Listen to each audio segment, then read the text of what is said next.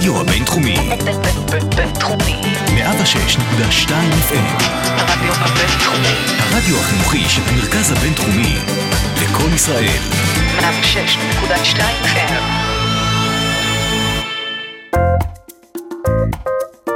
השעה הבינתחומית. פודקאסט שמחדד את המוח. עם שי קלוט. צהריים טובים לכל המאזינים שלנו. אתם על השעה הבינתחומית, תוכנית האקדמיה של הרדיו הבינתחומי 106.2 FM. אני שי קלוט, וכבכל שבוע, אני מארחת פה את אחד החוקרים מהמרכז הבינתחומי, והיום נמצא איתי אה, מישהו שהגיע פעם ראשונה לתוכנית, אה, פרופסור לירון חשאי, שהוא חוקר מבית הספר האריסון למנהל עסקים כאן בבינתחומי, ופרופסור אה, חשאי הוא גם ראש תוכנית ה-MBA כאן. נכון. מה נשמע? צהריים טובים, איזה אחלה. כיף שהגעת, פעם תודה. ראשונה. אה, אז באמת אה, אמרנו, אתה מגיע מהעולם הזה של אה, המחקר של מנהל עסקים, והיום אנחנו בעצם נדבר על כל מה שקשור להשפעה של מייסדים על צמיחה של חברות, שזה, נכון. אנחנו ניגע בזה ממש עוד מעט, אבל קודם בכלל נבין איך אתה הגעת לתחום הזה של חקר העסקים. אז uh, הרבה מהמחקר שלי כבר uh, תכף 20 שנה, לא נעים להגיד, uh, עוסק בצמיחה של uh, חברות הייטק. זה נושא שעניין אותי במקור, התחומים שבאתי מהם הם תחומים של International Business, עסקים בינלאומיים. זה התחיל מזה שמאוד עניין אותי אה, איך חברות אה, יוצאות לחו"ל, בעיקר חברות קטנות, מה מאפיין את ההתפתחות בחלו- בחו"ל, האתגרים שהן אה, ניצבות בפניהן. אה, ולאט לאט אה, התחלתי להרחיב בנושא, כי אתה אומר לעצמך, אוקיי, איך הן מתרחבות בחו"ל זה דרך אחת לצמוח, אבל אפשר גם להגדיל את סל המוצרים שלך, אז איך חברות קטנות עושות אה, הגוונה, ואז אפשר לשאול עוד אה, כל מיני שאלות שהן אה, קשורות. אה, אני חושב שזה נושא ש... אה, נושא, א', מאוד מאוד ישראלי, כי ההייטק הוא סקטור אה, מרכזי בישראל, אבל יותר מזה, אנחנו אוהבים מאוד להגיד על עצמנו שאנחנו מדינת אה, סטארט-אפ נהדרת, אבל אני אומר אה, באנגלית that we are a great startup nation, but we are a lousy scale-up nation. זאת אומרת, אה, וואו. כן, אנחנו מדינה שיודעת להצמיח המון המון סטארט-אפים, אלפי סטארט-אפים קמים, מאות כל שנה, סך הכל פועלים 6,000 או משהו כזה סטארט-אפים היום בארץ, אם אני זוכר את המספר נכון, אבל כשאתה הולך ומסתכל כמה מהן הן חברות גדולות, אפילו לא, לא מדבר על חברות הענק, אה, על הגוגל ופייסבוק, חברות גדולות שמוכרות במיליארד דולר, זה לא הרבה במונחים עולמיים. יש לך, על אצבעות כף היד יש חברות כאלה שצמחו להיות חברות גדולות, ואז באמת מעניין לשאול אה, מה מעכב את זה, מה המשק משלם על זה, יש הרבה שאלות אה, נגזרות, אז אני חושב שזה נושא נורא, נורא ישראלי, נורא חשוב למשק, זה לא רק לסקטור הזה, זה כל ההשפעה שיש לסטארט-אפים על המשק, אה, שאותי נורא מעניין. מהבחינה הזאת שאתה אומר חברות גדולות, פשוט מעניין אותי בשביל אה, ליישר קו. מה זה אומר? אמרת כאלה שבאמת הצליחו להגיע לרף אה, מיליארד הדולר, אבל האם זה ההגדרה של חברה גדולה?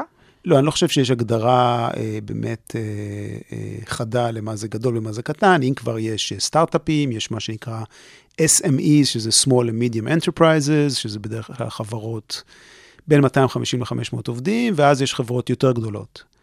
אין, יש לנו, נגיד, מספר בסדר של אה, חברות שהן SMEs, 250-500, אבל כשמגיעים למספרים יותר מזה, אז כבר אתה רואה פחות, וכמובן זה מתואם עם אה, מכירות. אה, בעולם אתה רואה שזה כן קיים, זאת אומרת, אה, זה גם מתבטא, לאו דווקא צריך להסתכל על הגודל חברה במספר עובדים, אה, אפשר לחשוב על זה גם כעל complete firms. מה זה complete firms? אנחנו מאוד טובים בפיתוח טכנולוגיות, אז באמת יש הרבה חברות שהמחקר ופיתוח הישראלי הוא חלק מרכזי בהן, אבל אז הרבה פעמים מה שקורה, שהחברות האלה הופכות להיות חלק ממשהו אחר, ואז אה, גם כשנשאר המחקר ופיתוח בארץ, אתה לא רואה הרבה את ה-complete firm, כלומר שגם מערכי הייצור והשיווק אה, הם ישראלים. אה, ואז אתה שואל כל מיני שאלות.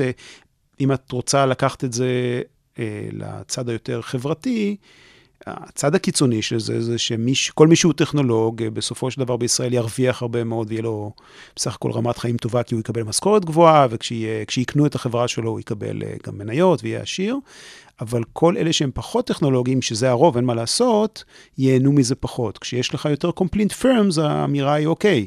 אז אנשי הטכנולוגיה ייהנו, אבל גם אלה שיותר הם בקו הייצור, ואנשי השיווק, וכו' וכו' וכו', והמדינה תהנה יותר, כי יש פתאום יותר הכנסות ממכירות. זה, זה נושא שהוא נושא, אני חושב, מאוד מאוד משמעותי, אני מתעסק בו בכל מיני היבטים, בין השאר במחקר הזה שאנחנו, במחקרים האלה שנדבר עליהם. אה, אני, כל מה שאני רוצה להגיד, שזה מעבר לזה שזה נושא שהוא אה, עסקי מעניין, אני חושב שיש בו אלמנטים אה, משמעותיים ברמת הממלכה, ואולי זה גם משהו שדוחף אותי להתעסק בזה, ואתה שומע יותר ויותר דיבורים על זה, שיותר ויותר מבינים שאולי ישראל הצליחה מאוד בלה, בלהביא סטארט-אפים לעולם, אנחנו באמת טובים בזה, אני חושב שהסטטיסטיקה מראה שישראל מספר אחת במספר הסטארט-אפים לנפש ודברים כאלה.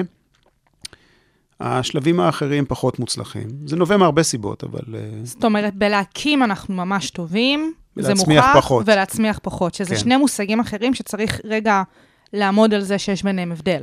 כן, ההקמה היא שיש uh, כמה חבר'ה לרוב שנפגשים איפשהו, uh, לפעמים זה בבר, לפעמים זה במקום העבודה הקודם, לפעמים זה... סתם חברים מהיחידה מהצבא. כן, בלי לפרט שמות, וחושבים על רעיון, אה, ואז הם אה, מפתחים איזושהי טכנולוגיה. אה, באיזשהו שלב הם צריכים גם יותר אנשים שיעזרו להם, אז הם מגייסים כסף כדי לגייס עוד עובדים, והחיה הזאת, הרעיון הזה שהיה רק שיחות הופך להיות חברה, כי כדי לגייס כסף אתה כבר צריך איזו ישות חוקית שתטפל ב... שתתעסק, שתדע לקבל כסף ולשלם משכורות וכו'. אז בשלבים האלה אנחנו מאוד טובים, כן? ואז סטארט-אפים מתפתחים, ויש כל מיני שלבים להתפתחות הסטארט-אפ.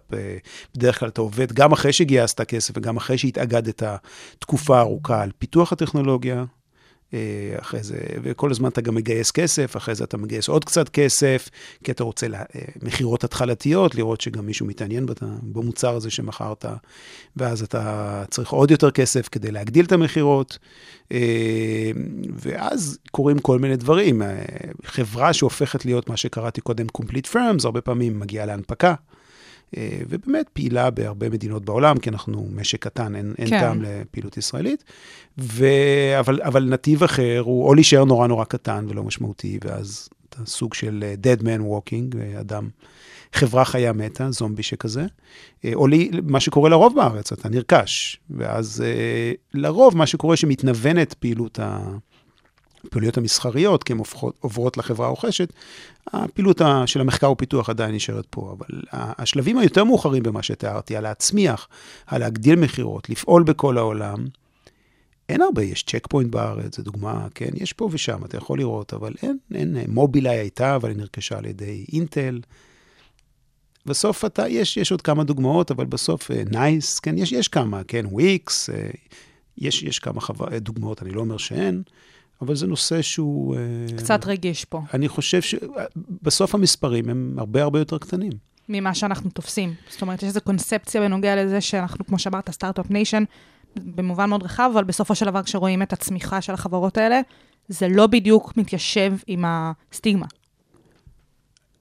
אני חושב שיש הסכמה שאנחנו עם הרבה סטארט-אפים קטנים, אבל כשזה מגיע לשלב הבא של החברות היותר גדולות, חברות בצמיחה, זה פחות, זה פשוט פחות. וזה איפשהו, זה הגיוני שיהיה פחות, אבל בארץ זה הרבה פחות. זאת אומרת, כשאתה משווה את זה למדינות אחרות בעולם, כולל מדינות שהן אה, אה, יזמיות לא פחות מאיתנו, כמו ארה"ב, אז בארצות הברית, ה... complete firms, החברות הגדולות שהן צומחות, הן הרבה יותר, uh, המספר שלהן הרבה יותר גדול. עכשיו, יש הרבה סיבות, בין השאר. לא קל להיות חברה קטנה מהמזרח התיכון כן. ולמכור uh, מוצרים בעולם, כשכל שני וחמישי נופלים פה טילים, זה משפיע על לקוחות, זה משפיע על הרבה דברים. אני לא, לא, לא, לא עכשיו... ברור, זה לא... יש הרבה סיבות, אבל... אבל אני חושב שזה כאב למשק, כאב במובן הכלכלי.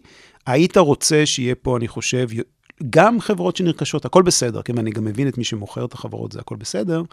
אה, מבחינת התרומה למשק, יש חשיבה שאומרת שיש משמעות שתתפתחנה פה גם חברות יותר משמעותיות, שמעסיקות אה, אה, מגוון רחב יותר של עובדים, שגם נותנות עבודה לכל מיני קבלני משנה מתחומים שונים, זאת אומרת, יש הרבה השפעה שהיא גם רוחבית לקיום של חברות כאלה.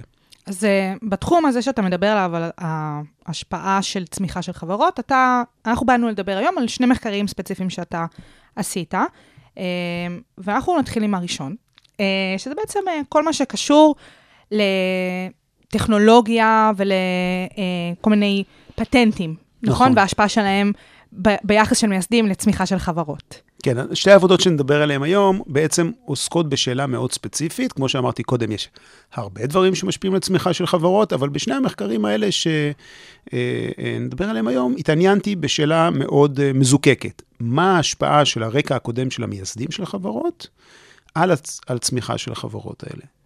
אה, התשובה בסוף, התשובה בסוף. שהמאזינים יחכו בסובלנות. אנחנו לא נעשה ספוילר. לא.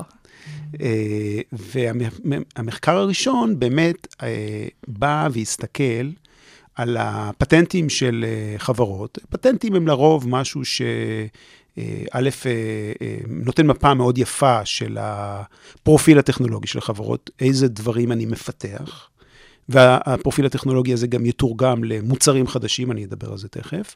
אבל בעצם הוא שאל את השאלה, כשאני כותב פטנט, אה, או יש תהליך של רישום פטנט, וכשאני רושם פטנט, מכיוון שפטנט תמיד מתבסס על ידע קודם, אז אתה צריך לדבר על הפריור ארט. והפריור ארט אומר, בוא, אתה צריך להגיד, אתה צריך לצטט שם את כל הידע הקודם הרלוונטי שהוביל לפטנט שלך, שכמובן הוסיף איזה אקסטרה על הידע הקיים בעולם, אבל הוא התבסס על ידע קיים, זה, זה תמיד כך. ממש כמו מחקר אקדמי. זה, זה אותו רעיון בדיוק, ממש לגמרי. אותו דבר. ובעצם מה ששאלתי את עצמי, או אני והשותף שלי, פרופסור איבו זנדר מאוניברסיטת אופסלה בשוודיה, שאלנו את עצמנו במחקר הזה, אה, הפטנטים של חברות סטארט-אפ ישראליות, חברות הייטק שהן סטארט-אפיסטיות, חברות שהן בעצם כבר, אה, הן כזה יותר אפשר לחשוב עליהן כמו ה-SMEs שתיארתי לך קודם, הן חברות כבר אה, שהתפתחו קצת, זה לא ממש, מבוססות. כן, אבל הסתכלנו עליהן מאוד חשוב, מתחילת, מיומן הראשון עד... אה, עד שהן היו בנות עד בין 6 ל-16, זאת אומרת, כן, כן הסתכלנו... היה מ- איזה טווח אה, מסוים one, של גיל של חברה מ- שרציתם. מ-day 0 עד איפה שתפסנו. כי כן. עשינו את הבדיקה בשלב מסוים, והלכנו אחורה ומיפינו. ובעצם שאלנו את מי הן מצטטות. אז אה, יש, את מי אפשר לצטט? אפשר לצטט כל מיני, א', רוב הציטוטים זה של כל מיני כאלה שלא קשורים בכלל לחברה, כי יש כל מיני ידע שנמצא בעולם שאתה חייב לצטט. כן. אבל זה פחות עניין אותנו, אבל עניין אותנו, עניינו אותנו שלוש קבוצות. אחד, הפאונדרים עצמם. כמה אתה מצטט פטנטים שהפאונדרים שלך, שהיה להם איזה חיים קודמים, אה, וגם חיים נוכחיים, אה, האם אתה מצטט ידע קודם של המייסדים שלך?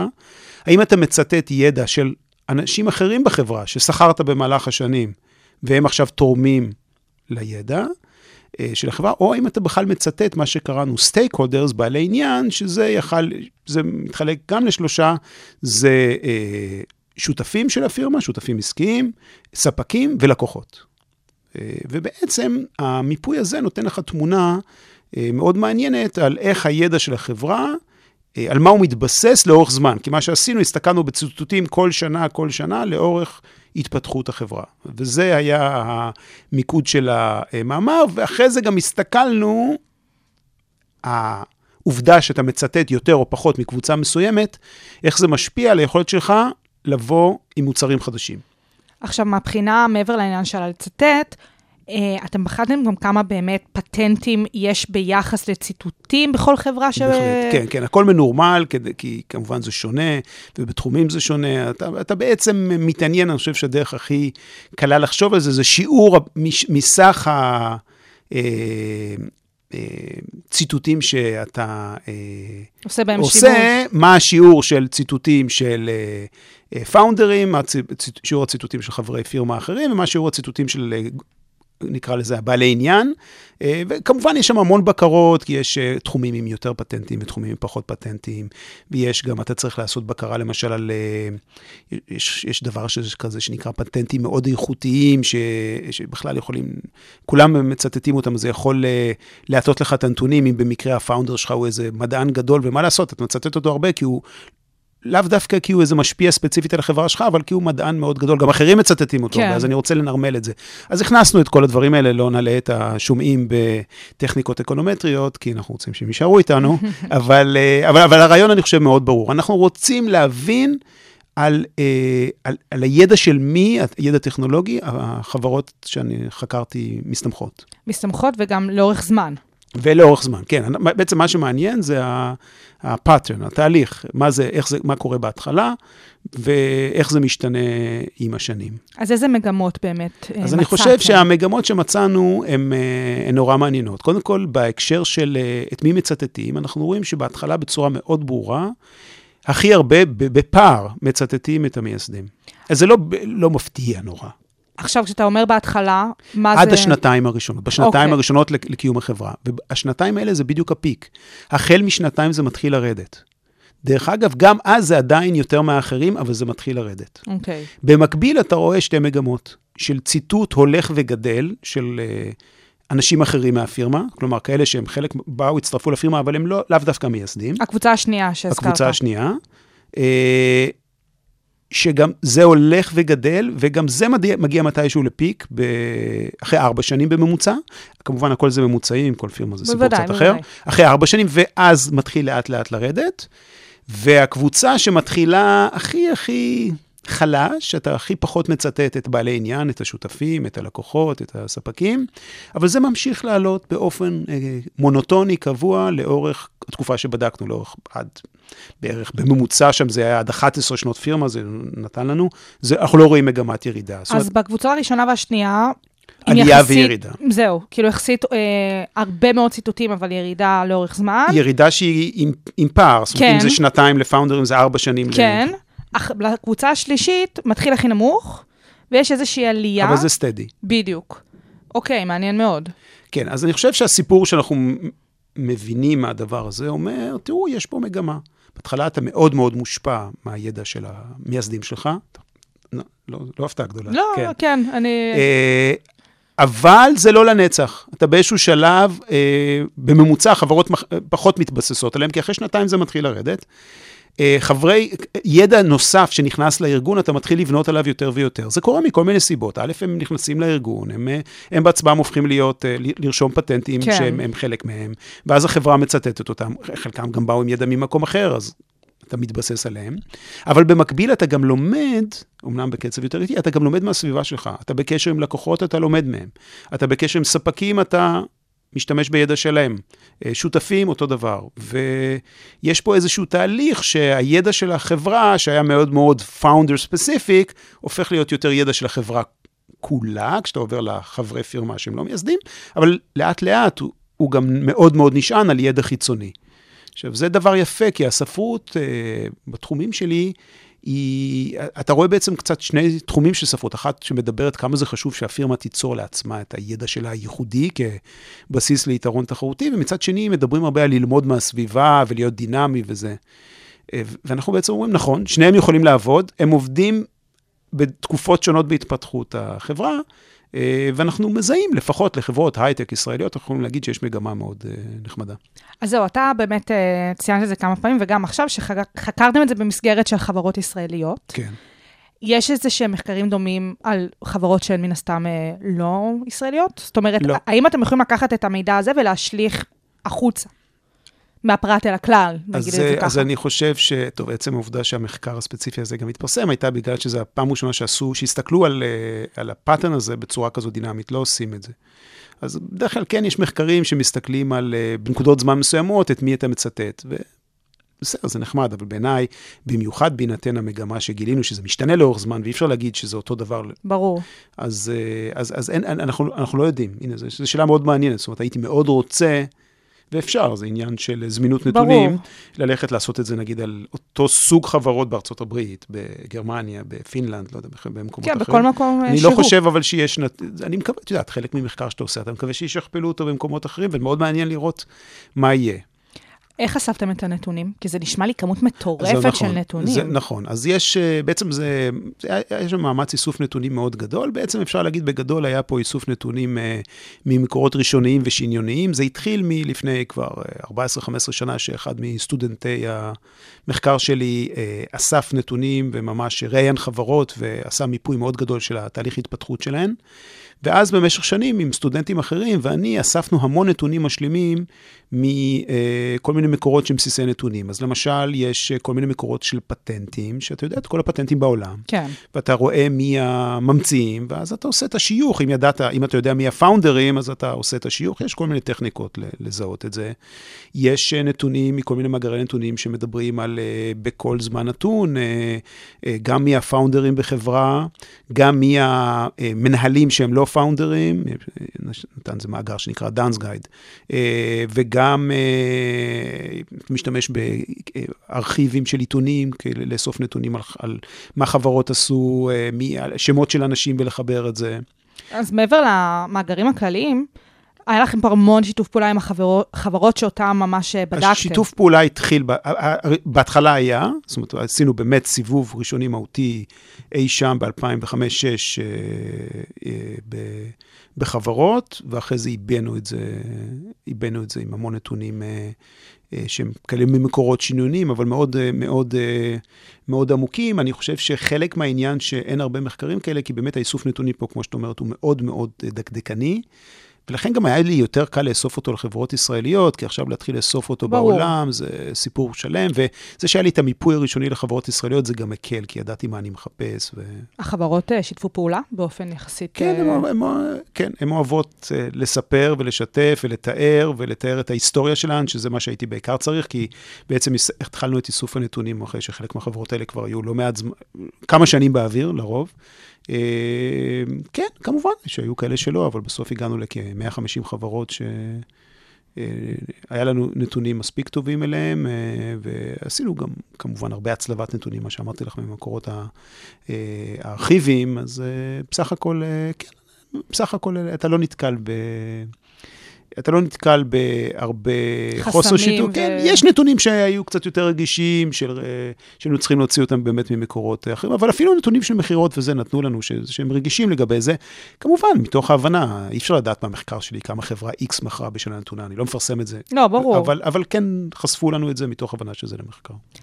אמ, אתם נתקלתם במסגרת המחקר הזה, נגיד במקרה שחברה החליפה את המייסד, זאת אומרת המייסד עזב, או לא יודעת בדיוק מבחינת אה, באמת הלך האירועים הספציפי, הגיע מישהו אחר, ואז באמת הוא הכניס את הידע שלו מבחינת אה, מקורות סטארט-אפים לתוך החברה, ואז זה קצת שינה את התמונה. אני יודעת שזה מקרה שהוא כאילו קצת יותר ספציפי, ואתה מדבר לא, על את אה, צודקת לגמרי, זה קורה הרבה. database מאוד גדול, לא, אבל... לא, לא, זה, אנחנו אפילו עשינו בקרה ספציפית. בעצם את שואלת את השאלה, יכול להיות שיש לנו איזושהי אה, הטיה במה, בדיוק. במחקר, כי יש חברות, אולי יש שם הרבה חברות שהפאונדרים עזבו בגיל, בשלב מוקדם, ואז אתה מקבל את המגמה, כי הם עזבו, לא, כן. כי, ה, לא כי המגמה שתיארתי לך, או הפוך, כי הם נשארו, ואז אתה מקבל את המגמה בגלל זה. בעצם מה שעשינו, יצרנו, אה, אנחנו מדווחים על זה גם בעבודה, יצרנו איזשהו בסיס נתונים שלקח ו... אה, שוב, יצר אה, שני תתי מדגמים שהם אה, זהים, ב, של חברות שזהות בכל הפרמטרים, חוץ מבשאלה, בחצי מהן, אה, בחצי מהן הפאונדרים עזבו בשלב יחסית מוקדם, ובחצי לא. ואז הרצנו את כל המחקר שוב על המד- המדגם המשותף הזה, שבו אתה אומר, הנה זה חצי-חצי, והנתונים עוזבים, נתונים אה, מחזיקים. ברור, אה, זאת אומרת, אז, אז אני חושב ש... אז התשובה אחת אומרת, הפאטרן נשאר, שתיים, כשהפאונדר עוזב, התהליכים האלה יותר מהירים. וואלה. כן, כי אין, אין ספק שחלק מהתהליכים שקורים שם, שוב, שאנחנו לא יודעים למדוד אותם ספציפית, אבל אנחנו כן יכולים להכניס משתנה founder uh, departure, עזיבה של founder, ולראות שהוא עוזב, אתה פחות מצטט אותו. למה? כי כשהוא שם וזה, אתה מתבסס על הידע שלו. כשהוא הולך, מטבע הדברים, נוצר ידע חדש, ו... חושבים על רעיונות אחרים, אתה, זה, זה, זה מפריח גם אה, אה, אה, אה, כוחות אחרים אה, בתוך החברה שבאים עם רעיונות אחר, אה, אחרים. אני בעצם רוצה להג, לדבר בחצי מילה על החצי השני של המחקר הזה, כי זיהינו דפוס, אבל למה, למה הוא חשוב? אז אני חושב שהוא חשוב מהסיבה הבאה, כי אנחנו, השאלה הבאה ששאלנו את עצמנו באותו מחקר הייתה, אוקיי, אפשר לחשוב על חברות שהן נוטות יותר לצטט פאונדרים, כאלה שיותר נוטות לצטט אה, חברי אה, פירמה אחרים, וכאלה שנוטות לצטט אה, אה, אנשים, את בעלי עניין. כן. איך זה משפיע על משתנה שאפשר להסתכל עליו כמשתנה הצלחה של חברות, במידה מסוימת, זה לאו דווקא המשתנה הכי אה, מובהק, אבל הוא די משתנה משמעותי של כמה מוצרים חדשים אתה מוציא. זה דבר משמעותי לחברות הייטק. ופה אנחנו מגלים דבר שהיה הכי מעניין אה, עבורנו, אה, שבשנים הראשונות של חברה, אה, עד השלוש, ארבע שנים ראשונות, אלה שמצטטים יותר, חברות שמצטטות יותר פאונדרים, הן תוצאנה יותר מוצרים חדשים מחברות שמצטטות פחות פאונדרים. כלומר, הן מצטטות יותר בעלי עניין וחברי פירמה אחרים. אבל, וזה אבל גדול, אלה שממשיכות להתבסס על פאונדרים מתחילות לרדת בקצב ההוצאה של מוצרים חדשים, לעומת אלה שמצטטות בעלי עניין וחברי פירמה אחרים, עוברות אותם. באיזה שלב זה מבחינת ה... שנים בממוצע זה באזור 4-5 שנים. 4-5 שנים. הפליפ הזה קורה. שמה- זה טיפה ליותר מוקדם ל-Firm Members וטיפה ל- בהפרש של שנה כן. לבעלי עניין, אבל אתה ממש רואה שזה, שיש לנו גרפים כאלה שאנחנו כן. מתארים, שזה מתחלף. ואז זו אמירה נו- נורא יפה, כי, כי אנחנו מגיעים פה לתובנה אה, של, שלי, שהייתה נורא מעניינת, שפאונדרים הם אה, משהו שמאוד אה, דוחף ו- ו- ועוזר לחברות להצליח בהתחלה. אפס, אם באיזשהו שלב לא תשתחרר, לא תיתן לכוחות האחרים לפרוח, תקשיב לאחרים עם רעיונות בתוך החברה, שבאו, הבינו אולי את הרעיון הראשוני של הפאונדר, אבל פתאום הם חושבים, אוקיי, הרעיון הזה, ניקח אותו קצת ימינה-שמאלה, נ- נבוא עם מוצר ברור. אחר, ובכלל גם לקחת ולהגיד, רגע, אבל יש את הרעיון הזה שלקוחות שלנו עושים איתו, בואו נחבר את זה לטכנולוגיה שלנו, ופתאום יהיה בכלל דבר אחר. זאת אומרת, אם אתה לא עושה את הסוויץ' הזה, אתה כנראה קצת תיכנס לסטגנציה או אינרציה, ואתה ת... זה לא יתקדם לשום מקום. אז, אז, אני, אז אנחנו לא יכולים להגיד את זה בצורה ברור. כזאת, זה יתקדם פחות מאשר אם כן תהיה פתוח לסביבה החיצונית. כלומר, במונחים של למידה של חברה, זה טוב מאוד ללמוד מהמייסדים, שבאמת, תראי, מה זה, מה זה מייסד? הוא היזם, נכון. או קבוצת מייסדים, הם היזמים, שבאים עם איזה ידע מאוד מאוד אה, ייחודי, שבהתחלה בטח זרקו אותם מכל המדרגות, כי אם זה הידע שכולם היו מבינים שיש פה הצלחה עסקית, כולם היו עושים את זה, אבל זה לא קרה, כי הם היו, זה יזם. יזם בא ואומר, וואלה, אני רואה איך העולם הולך להשתנות, ויש לי, או אני יכול לשנות אותו, יש לי רעיון למשהו שלא חושבים עליו, ואני אלך עליו. ולרוב זה נתקל בהרבה ספקנות אה, ודחיות, ו- וזה שהיזם הוא סוג של עקשן כזה, אז הרבה פעמים זה נכשל, אבל כשזה מצליח, זה מצליח. ו- ונכון שהוא יודע הכי טוב מה זה החברה, ו- ואז הוא באמת כוח מניע. אבל באיזשהו שלב, אחרי שזה כבר תפס, אם אתה ממשיך רק להתבסס על הידע היחסית מוגבל, כולנו מוגבלים בסוף, כמה אתה יכול אה, להיות אה, מתחדש ושונה, כן, גם כשאתה ליאונרדו דה וינצ'י, אם אתה לא אומר, רגע, בוא נתחבר קצת, או ניתן לאחרים להשפיע על הידע שלי. לא, לא אומר לבטל את הידע של הפאונדרים. אבל נשמע מה יש לאחרים להגיד. לא תמיד נותנים להם, לפעמים יש הרבה חברות שהפאונדר כל כך חזק, שהוא לא, לא נותן לזה לקרות. אז אם אה, לא נותנים לו לש... לדבר, אם לא שומעים אותו, אז הוא יכול לעזוב ולפתוח סטארט-אפ של נכון, עצמו. ואז נראה אותו. זה, זה. קורה, זה, זה, הנושאים האלה קורים כל הזמן. דרך אגב, זה לא חקרנו ספציפית על כאלה שעזבו והלכו והקימו, אבל בהחלט זה קורה, אנחנו יודעים. זה נשמע יודעים. כמו ספירלה כזאת. אה, כל פעם כן, פוגשים... זה לא, שוב, זה לא רע, זה לא רע, דרך אגב, מבחינת המשק זה לא רע, כי אתה רוצה שאנשים שיש להם רעיונות ולא מוצאים להם מקום במסגרת חברה שלהם, ילכו ויקימו חברה אחרת. נכון. ו- וילכו. החברות החכמות באמת, אבל אם נדבר על חברות גדולות שמצליחות, אה, סתם ניקח גוגל כזאת, גוגל למשל, הם גם בטח עושים טעויות, אה, ברור, בשנים אף אחד לא כן. מושלם. אבל גוגל יש לה איזה גישה שא', הרעיון הזה של, אה, אתה יום בשבוע עובד על מה שאתה רוצה. נכון. מה שאתה רוצה. יום בשבוע, תחשבי, זה מטורלל. יש לך את המשימות שלך, אבל יום בשבוע אתה עובד על מה שאתה רוצה, אבל זה יותר מזה. אם תבוא עם רעיון טוב, אנחנו מאוד פתוחים ללכת איתך ולפתח אותו, ואפילו אתה תהנה מזה כספית. זאת אומרת, יש פה את ההבנה שנכון, אנחנו באנו, כן, לארי פייג' וסרגי בריאן, באנו עם הרעיון המדהים ההתחלתי, שבאמת אף אחד לא הבין, לקח לנו זמן להבין גם איך עושים מזה כסף. אחלה רעיון, אבל כן אני צריך להקשיב להרבה רעיונות אחרים, ותראי איך גוגל באמת, היה לה את היכולת להשתנות לאורך השנים, גם לעבור לתחום הסלולר, גם לעבור עכשיו לתחומים לגמרי אחרים. זה בדיוק התהליך, בבסיס זה התהליך שאנחנו חושבים חד עליו. משמעית. זה גם מאוד הגיוני מבחינה חברתית. זאת אומרת, שבאמת אנשים, לכולם יש רעיונות על הכל. ובתוך חברה שאתה נמצא, אז מאוד הגיוני שתרצה לפתח את עצמך במסגרת הרעיונות של החברה. זאת אומרת, להביא מעצמך למען החברה שאתה... אני מאוד עובד מאמין, בה. כן, אני מאוד מאמין בחיה הזאת שנקראת intrapreneurship. intrapreneurship, כלומר יזמות פנים-חברתית. זה לא כל כך פשוט, כי אנחנו יודעים, הרי אה, העולם שלנו, הרבה פעמים הסטארט-אפים אלה שמביאים את החדשנות הגדולה, לאו דווקא הם אלה שממסחרים אותה, אבל הם באים עם החדשנות הגדולה, כי כן יש תופעות בחברות של אה, אינרציה, ובאמת אתה אני יכול לחשוב על כל מיני חברות כאלה. כן, קשה שלא לצאת מזה. אתה, אתה, זה, זה מה שאנחנו יודעים לעשות, ואנחנו לא משנים את זה, ו, ומה עכשיו אתה בא לבלבל לנו את השכל עם הרעיונות החדשים שלך. ו, ו, ובאמת, האינרציה הזאת, א', לפעמים זורקת אנשים החוצה, אני, אתם לא נותנים לי להתפתח, אני אלך לעשות את, זה, לעשות את זה במקום אחר. אבל חברות שכן יודעות להכיל את זה, וכן יודעות לשחק בצורה אה, חכמה בין, אוקיי, זה הידע שלנו הבסיסי, אנחנו כן עושות הימורים שאם תחשבי עליהם טוב, הם לא נורא גדולים, כי מקסימום זה ייכשל. תחשבי סתם על גוגל uh, גלאס. זה, זה כישלון, זה לא הצליח. נכון. מה קרה לגוגל? מכה קלה בכנף. ממש. ונשארו מלא טכנולוגיות שמשתמשים בהן היום למלא דברים.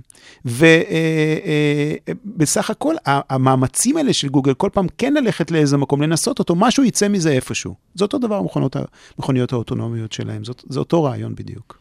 אז באמת אה, נקודות ממש מעניינות הבאתם במחקר הזה. מעניין אותי, מבחינת ההשערות ההתחלתיות שלכם, של המחקר, האם חשבתם שזה מה שתקבלו מבחינת התוצאות? זאת אומרת שבאמת הכוח הזה של המייסדים מבחינת הפטנטים שמביאים איתם מאוד יעזור לצמיחת החברה עד שלב מסוים, ואז זה יהווה איזשהו חסם.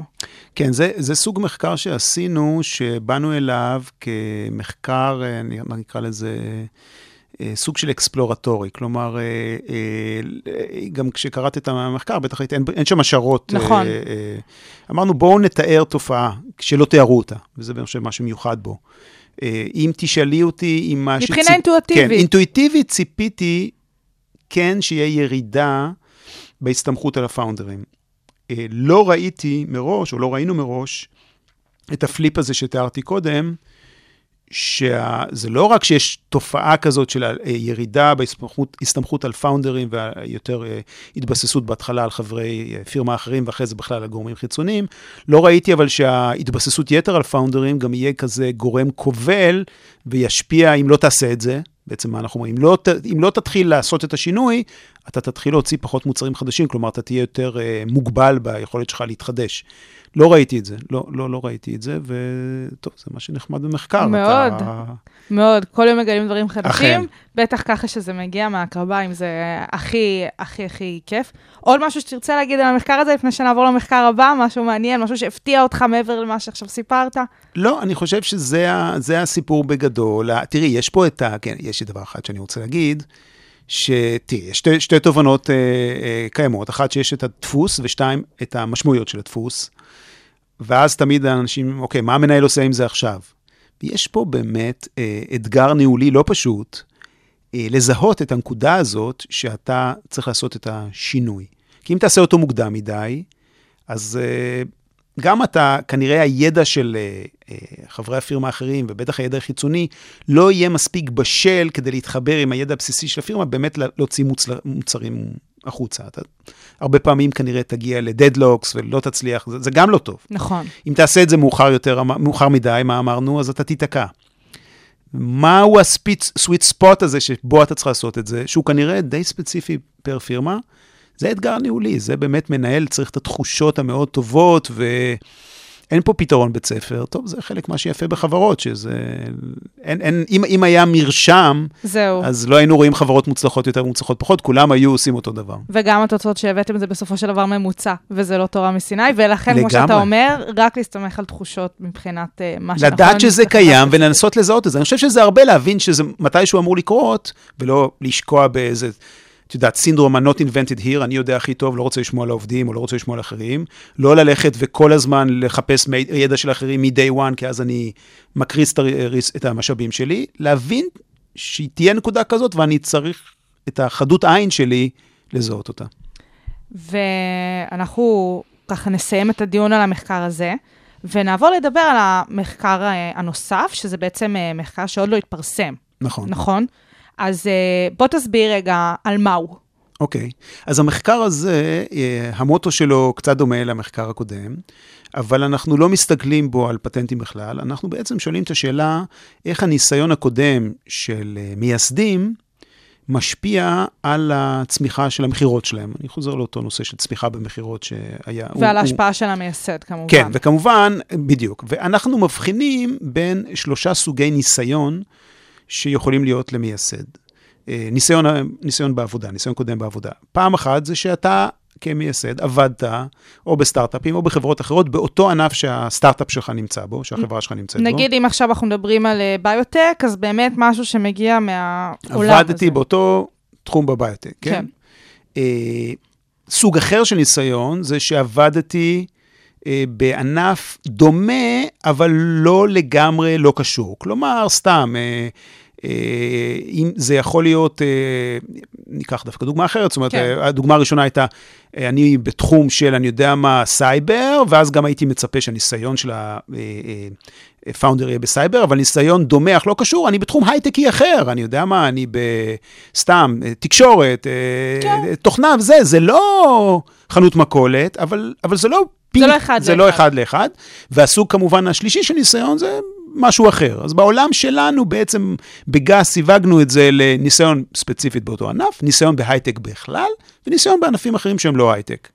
שזה עושה שכל גם כי אנחנו יודעים שהרבה הייטק, אה, יזמי הייטק עוברים בתוך ענפים וכו', יש, ברור. יש משמעות.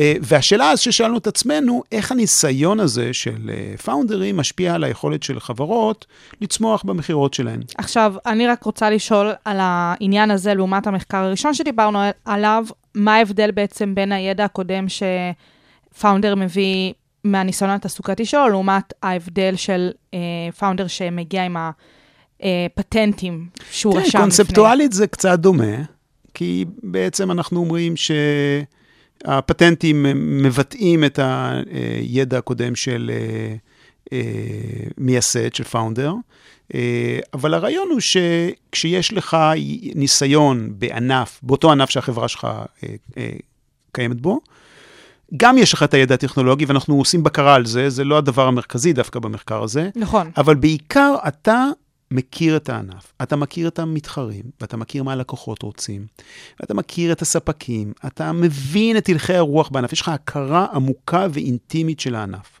תראה, אני בא מבית ספר למנהל עסקים, אנחנו מאמינים שניהול זה מקצוע.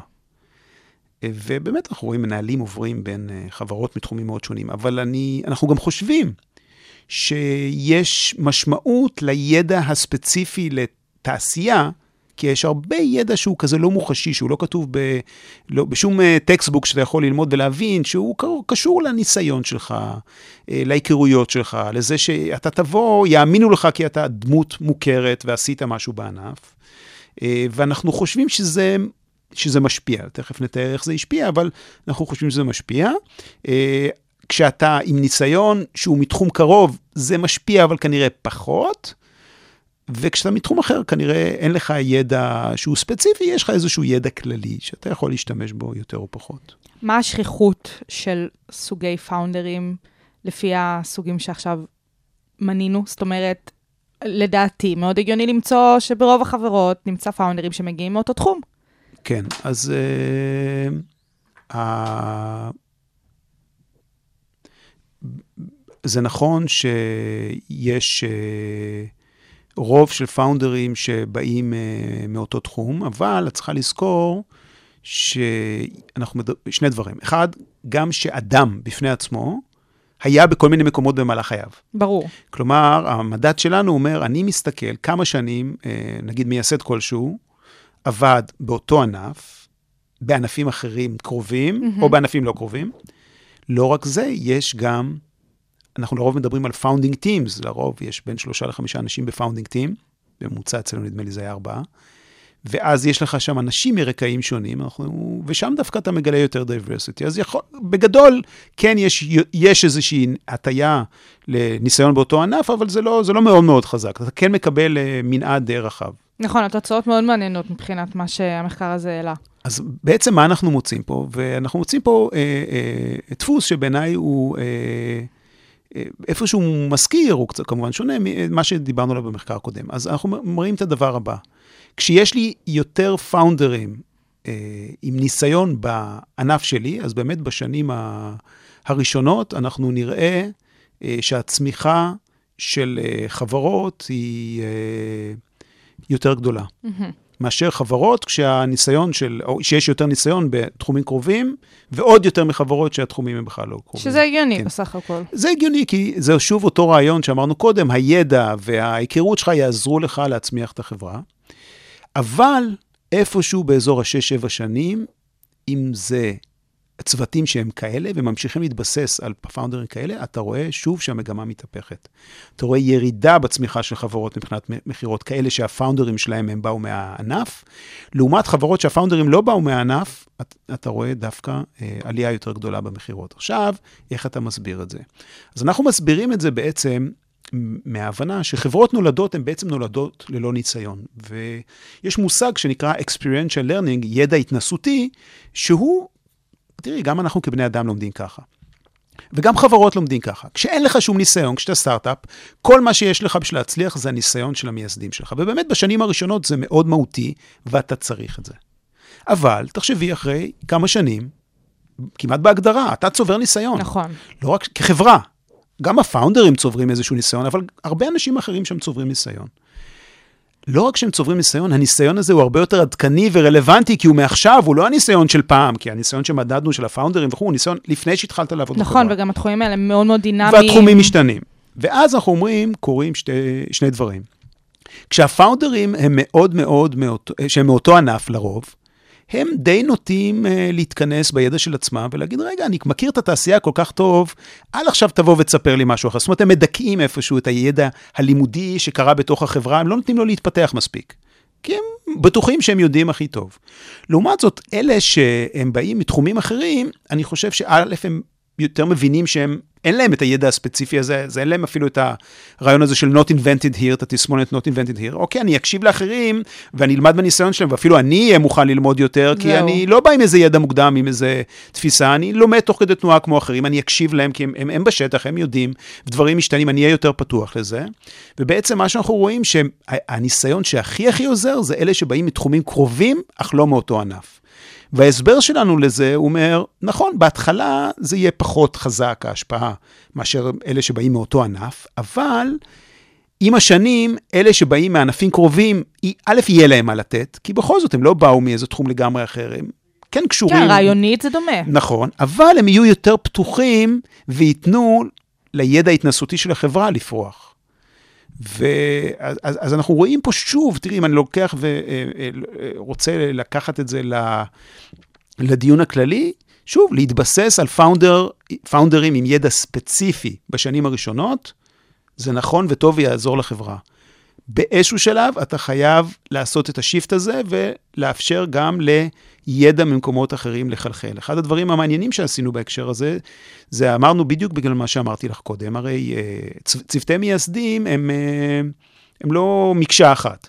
זה בוא, מגוון. זה מגוון. בואו נסתכל אה, איך, ה, כשיש לך בצוות, בעצם שאלנו את השאלה האחרת, כשאו פר פאונדר, פר בן אדם, או פר צוותים. יש לך ידע שהוא גם וגם וגם, איך זה משפיע.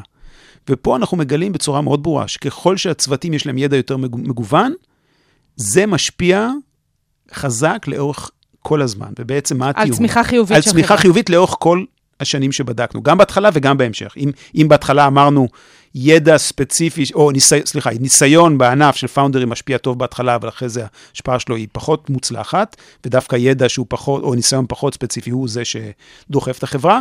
כשיש לך צוותי הנהלה, או שהפאונדרים עצמם היו להם פר, פר אינדיבידואל, ובדקנו את זה בשתי קבוצות, אני מסתכל על פאונדרים שהיה להם ניסיון בכל מיני דברים, ואני מסתכל על צוותים ש... נגיד, אני באתי מאותו ענף, אבל השותף שלי בא מענף אחר, אז הנה יצרנו צוות שהוא, שהוא ניסיון אה, מגוון. הם צומחים הכי טוב. למה? הטיעון שלנו, בשלבים הראשונים, החלק, האלה עם הידע המאוד, עם הניסיון, סליחה, המאוד מאוד uh, ספציפי לענף, הם יהיו הכוח הם הדוחף. כן? בשלבים האחרים, האלה עם הניסיון הפחות ספציפי ידעו להגיד להם, רגע, חכו רגע, בואו גם נתבסס על הידע שנוצר בחברה וימתנו את הקטע הזה של אה, אני יודע הכי טוב, אני לא אתן לאף אחד אחר אה, להגיד לי מה, איך לעשות דברים. לי יש שאלה דווקא בנוגע לקבוצה השלישית של האנשים שהגיעו מתחום שהוא לא כל כך ליד אפילו. כן. מה היתרון שלהם בחברה כזאת, אם בכלל? אז אני חושב שהיתרון שלהם זה שהם לא מפריעים. אוקיי.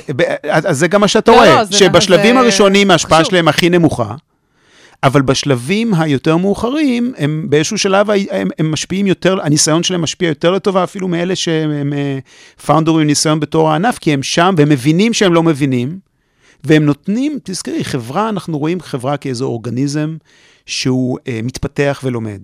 ואחרי מספר שנים, שש, שבע שנים, אנחנו- החברה היא כבר, יש בה איזשהו אה, אה, ניסיון נצבר, ואת, ואתה צריך לבנות עליו, כן? ו, והם לא, ואם הם מספיק אה, אה, צנועים ומס, ומבינים שהם לא יודעים הכי טוב, אז הם נותנים לזה פשוט לקרות, ונותנים לקוחות מתוך החברה אה, לפעול.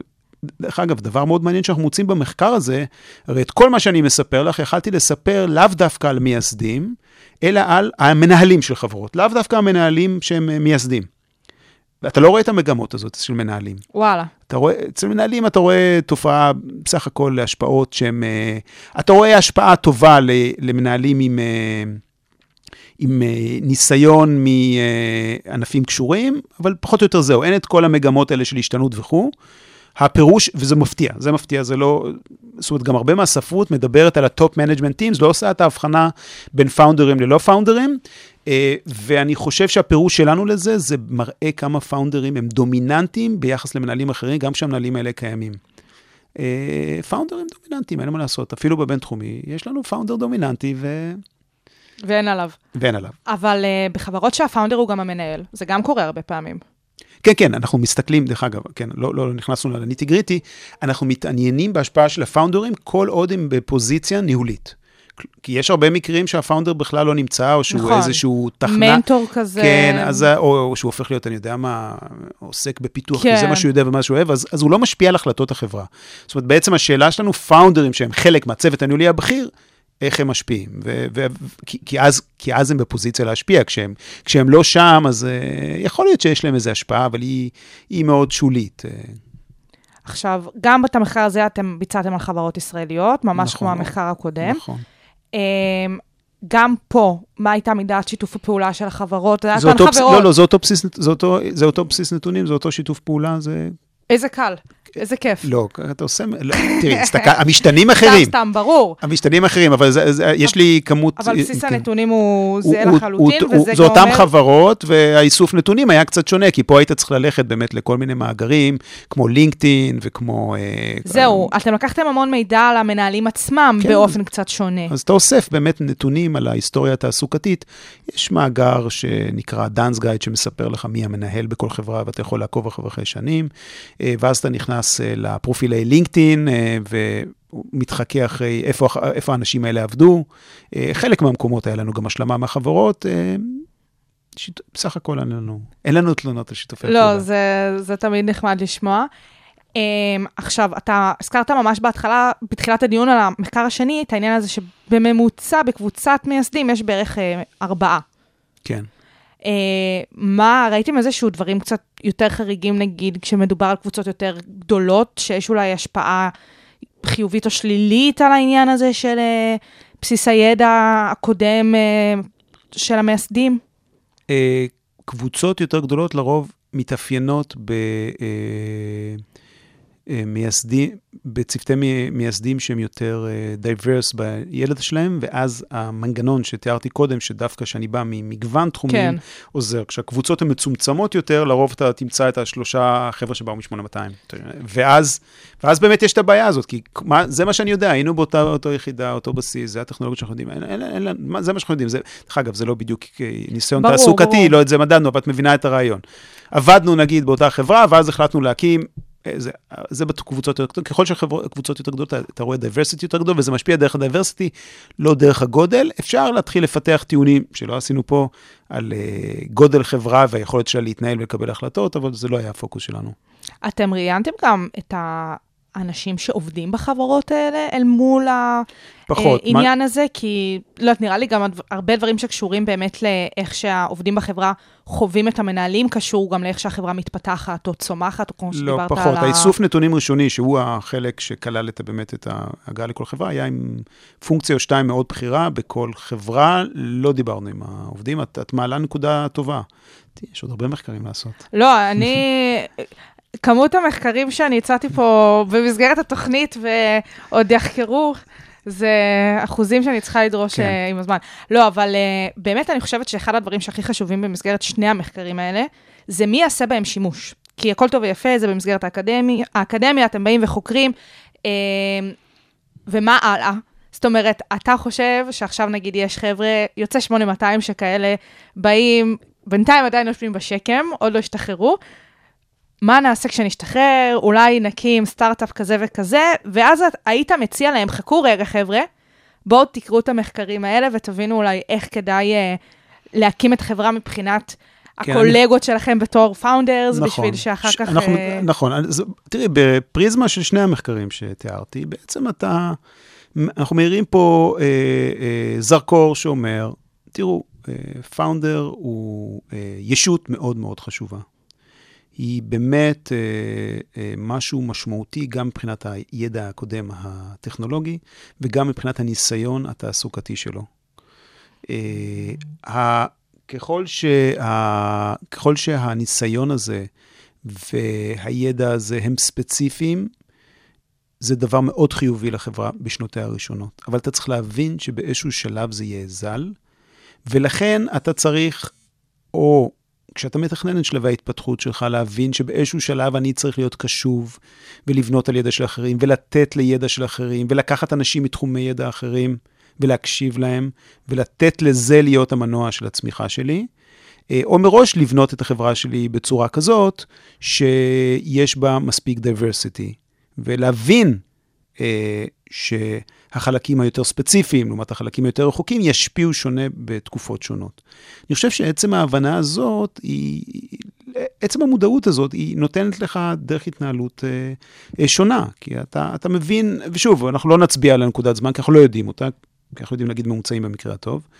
אבל אנחנו מבינים, ברגע שאנחנו מבינים את המנגנון, אנחנו, אני מקווה שזה ייתן, אה, אולי לאו דווקא לזה שיושב עכשיו וחושב להקים סטארט-אפ ב-8200, אבל כן למנהלים שנמצאים היום, ליז, לפאונדרים שיושבים היום בחברות, ולפעמים הסוגיות האלה עולות, איזו הסתכלות על עצמם ואמירה, רגע, אופס, אולי אני צריך להקשיב יותר לזה. רגע, אולי אנחנו צריכים כן לשמוע לעובד, אה, שאתמול אה, עשיתי לו קפקוף, כי לא עניין אותי הרעיון שלו, כי אולי בכל זאת יש שם משהו שאני לא רואה. כי אני מוגבל ביכולת שלי לראות לנצח את uh, מנועי הצמיחה העתידיים של החברה שלי. אבל יש דברים שהם נורא הגיוניים מהבחינה הזאת של, באמת אנחנו רואים שגוגל, כפי שציינו, עושה את זה. את היום הזה בשבוע שנותנת לכל העובדים, אה, קחו את, את הזמן הזה, שתחשבו על רעיונות, עזבו רגע את המשימות הרגילות בצד ותחשבו, ותעזרו בעצם לחברה עצמה להתפתח. למה עד עכשיו לא כל החברות עושות את זה? כי גוגל יכולה להרשות לעצמה לעשות את זה. דרך אגב, גוגל לא המציא, המציאו את זה, מי שהמציא את זה, אני חושב, ברור. זה 3M, שזו חברה גם מדהימה, שהיא יותר לואו-טקית, לא יודע אם היא לואו-טקית, אבל חברה איזה 60 אלף מוצרים, ובאמת אה, מגוון מוצרים אה, מטורלל. אה, אני חושב שבהוויית חיי הסטארט-אפ, ואפילו החברה הקטנה הבינונית הישראלית, וכנראה גם האמריקאית, הלחצים והמשאבים המוגבלים, מקשים מאוד על הלקצ'רי הזה, על, על היכולת הזה לפרגן ולתת. יש לזה מחירים, כן? ברור שיש לזה מחירים היום הזה בשבוע. חברות גדולות, חלקן הגדול לא עושות את זה, כי הן נורא, נורא מרובעות ומתנהלות כזה corporate אמריקה, שאני צריך בכל דקה נתונה לנהל את המשימה של העובדים שלי, וזה פוגע בחדשניות שלהם. החברות הבאמת מוצלחות, אבל שוב, זה מעט מאוד כאלה. גוגל היא היוצא מן הכלל, כן? ש, ש, שבאמת מצליחות לעשות את זה. אני חושב שזה, אני אגיד כך, זה קשה לחברות קטנות בגלל הלחצים של להתקדם מהר ולהתפתח בהינתן משאבים מוגבלים, ואתה חייב כל הזמן להתקדם ובאמת להגיע למיילסטונס, כי יש כסף מוגבל ואתה צריך להגיע לראונד הבא וכו' וכו' וכו'. בחברות הבא, הגדולות יותר, האינרציה אה, מדכאת את זה, אה, ואז... אה, באמת החברות המועטות המוצלחות הן אלה שמצליחות גם להיות על הסוס, אבל גם להתחדש. את לא רואה הרבה כאלה, כן? נכון.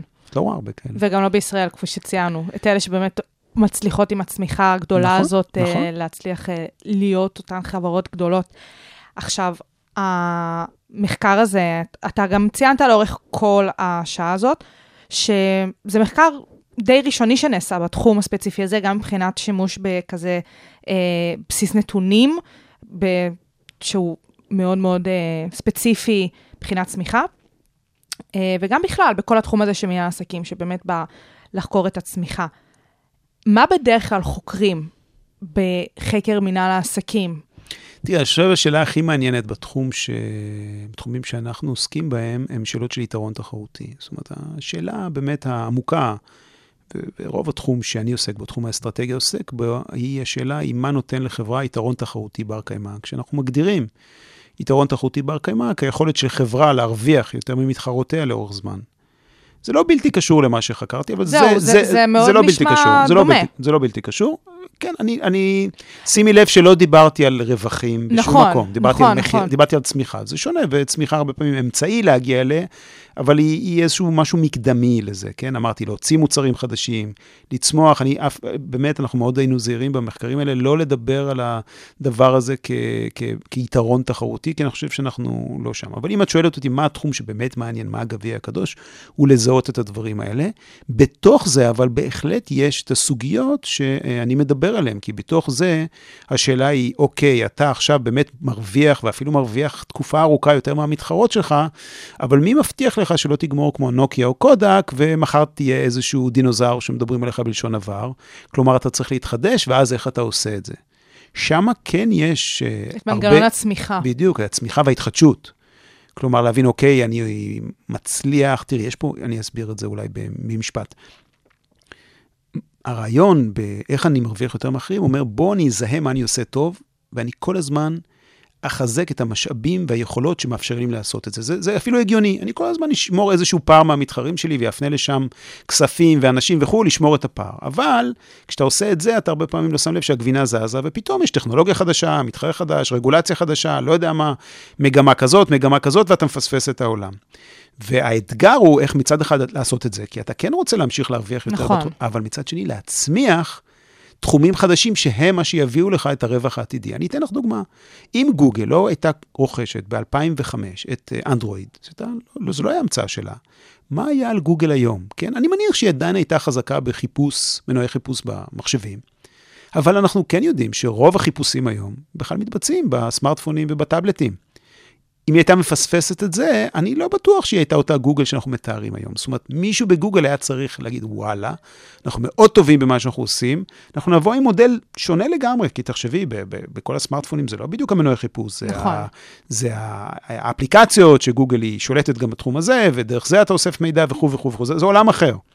ואותו דבר, מה שאמרתי לך, אה, הגוגל גלאס, זה לא רק שנלך לסמארטפונים, נלך, אנשים יהיה להם בכל רגע נתון, הם יראו מסך מול העיניים. לא הצליח. אוקיי, מכונות אוטונומיות, שאני אדע איפה בן אדם נמצא בכל נקודה, ועל בסיס זה אני אאסוף מידע. הם מתעסקים היום בכל מיני דברים לגמרי שנשמעים משוגעים, כמו איך אני מייעל את הבנייה של אה, בניינים. נכון, הם גם כן, יש להם- מנגישים אה, וי-פיי במקומות נכון. שוממים, דברים- באפריקה, יש להם, וכן. בהחלט, יש להם גוף שנקרא גוגל איקס, שכל ייעודו זה הדבר הגדול הבא. נכון, כן? לחשוב על הסטארט-אפ. הבא. תראי, זה גם מלמד אותך על האתגרים שאני חושב שאיפשהו צפים מהעבודה שלנו, שבעצם מה גוגל עשתה, עם ההבנה שלה, שזה קשה בתוך אותו ארגון גם ליצור את המנגנונים למנועי הצמיחה העתידיים, מה בעצם היא עשתה, וזה חלק מהסיפור של ההתאגדות שלה לאלפאבית לפני כמה שנים. יש גוגל גוגל שעושה את הכסף הנוכחי, אבל אלפאבית היא בעצם חברת אם של גם הגוגל הזה, אבל גם כל מיני חברות אחרות, חלקן מתעסקות במידע רפואי, וחלקן במכונות אוטונומיות, וחלקן ב... פשוט גופים המון זרועות. כן, ו, אבל הרעיון שכל, ש, שזרועות שונים אמונים על יצירת הכסף ש- דהיום, שזה סופר חשוב, בלי זה לא יקרה מחר. נכון. והוא בנפרד על יצירת מנועי הצמיחה העתידיים, שהם לא רווחיים היום, אבל אם לא תעשה אותם, מחר לא תהיה פה. אז בסופו של דבר, הרעיון הזה של הצמיחה זה גם באמת להבין איך חברה צומחת תוך כדי תנועה, ולפעמים גם המון שנים קדימה. זה לאו דווקא משהו שקשור רק לייסוד של חברה. נכון, בהחלט. זו שאלה כללית, ש, שעל מנת ל- להישאר כחברה עם יתרון תחרותי, אתה חייב לצמוח ולהתחדש, אני חושב שזה הפואנטה היותר אה, אה, משמעותית, כי המקורות, הכנסה ורווח, זזים. אה, אני הרבה יותר צנוע בהקשר שלנו, ההקשר שלנו היה באמת השאלה הזאת שהתחלנו בה את הדיון שלנו. אוקיי, אנחנו מדינת סטארט-אפ נהדרת, אבל למה, מה מפריע לחברות לצמוח, או מתי חברות צומחות יותר או פחות? מתי נוליד פה גוגל? אה, מתי נוליד, כן, זה, אה, אנחנו מקווים יום אחד להוליד גוגל, אנחנו נסתפק גם בהרבה פחות, דרך אגב, במספר חברות שמוכרות ברור. ב-4, 5, 10 מיליארד דולר, זה לא הרבה במונחים עלומים. אבל אין לנו כאלה, אין, את באמת, את תספרי, על יד אחת את מקבלת אותם. טוב, גם אנחנו באמת מדינה צעירה, בלי קשר. אנחנו מדינה קטנה, עם שוק אבל- בית קטן, זה מאוד, יש הרבה דברים זהו. שמפריעים. אנחנו מדינה במלחמה, אה, זה לא... אה, נכון, זה גם, הכל גם על זה משפיע. דיברנו. וחד משמעית, אני חושבת שהמחקר הזה רלוונטי באמת לכולם, גם לאקדמיה, זאת אומרת למחקרים המשכיים. רק פה דיברנו על כל מיני רעיונות שאפשר לקחת הלאה, גם על אה, חבר'ה שיושבים בשקם ב-8200, וגם על אה, המנכ"לים של גוגל, בהחלט. שרוצים לבוא ולקחת את החברות שלהם ולהצמיח אותם למקומות אה, אחרים וחדשים. אז אנחנו הגענו לסופה של השעה. זהו, זה קרה. אחלה, טוב, אה, אז אני... עבר מהר. עבר מהר. אז אני באמת רוצה להודות לך, פרופ' נירון חשאי מבית הספר אריסון למנהל עסקים, שהיית איתי כאן היום. בבקשה. אה, ואתם המאזינים שלנו, המון תודה שהייתם כאן. אתם תמיד יכולים להאזין פעם נוספת לתוכנית הזאת ולתוכניות אחרות ברדיו שלנו 106.2 FM.com, כמובן בכל אפליקציות הפודקאסטים, פשוט כאן ב-FM 106.2 FM. אני שי קלוט, שיהיה לכם המשך יום מקסים, תודה רבה לכם.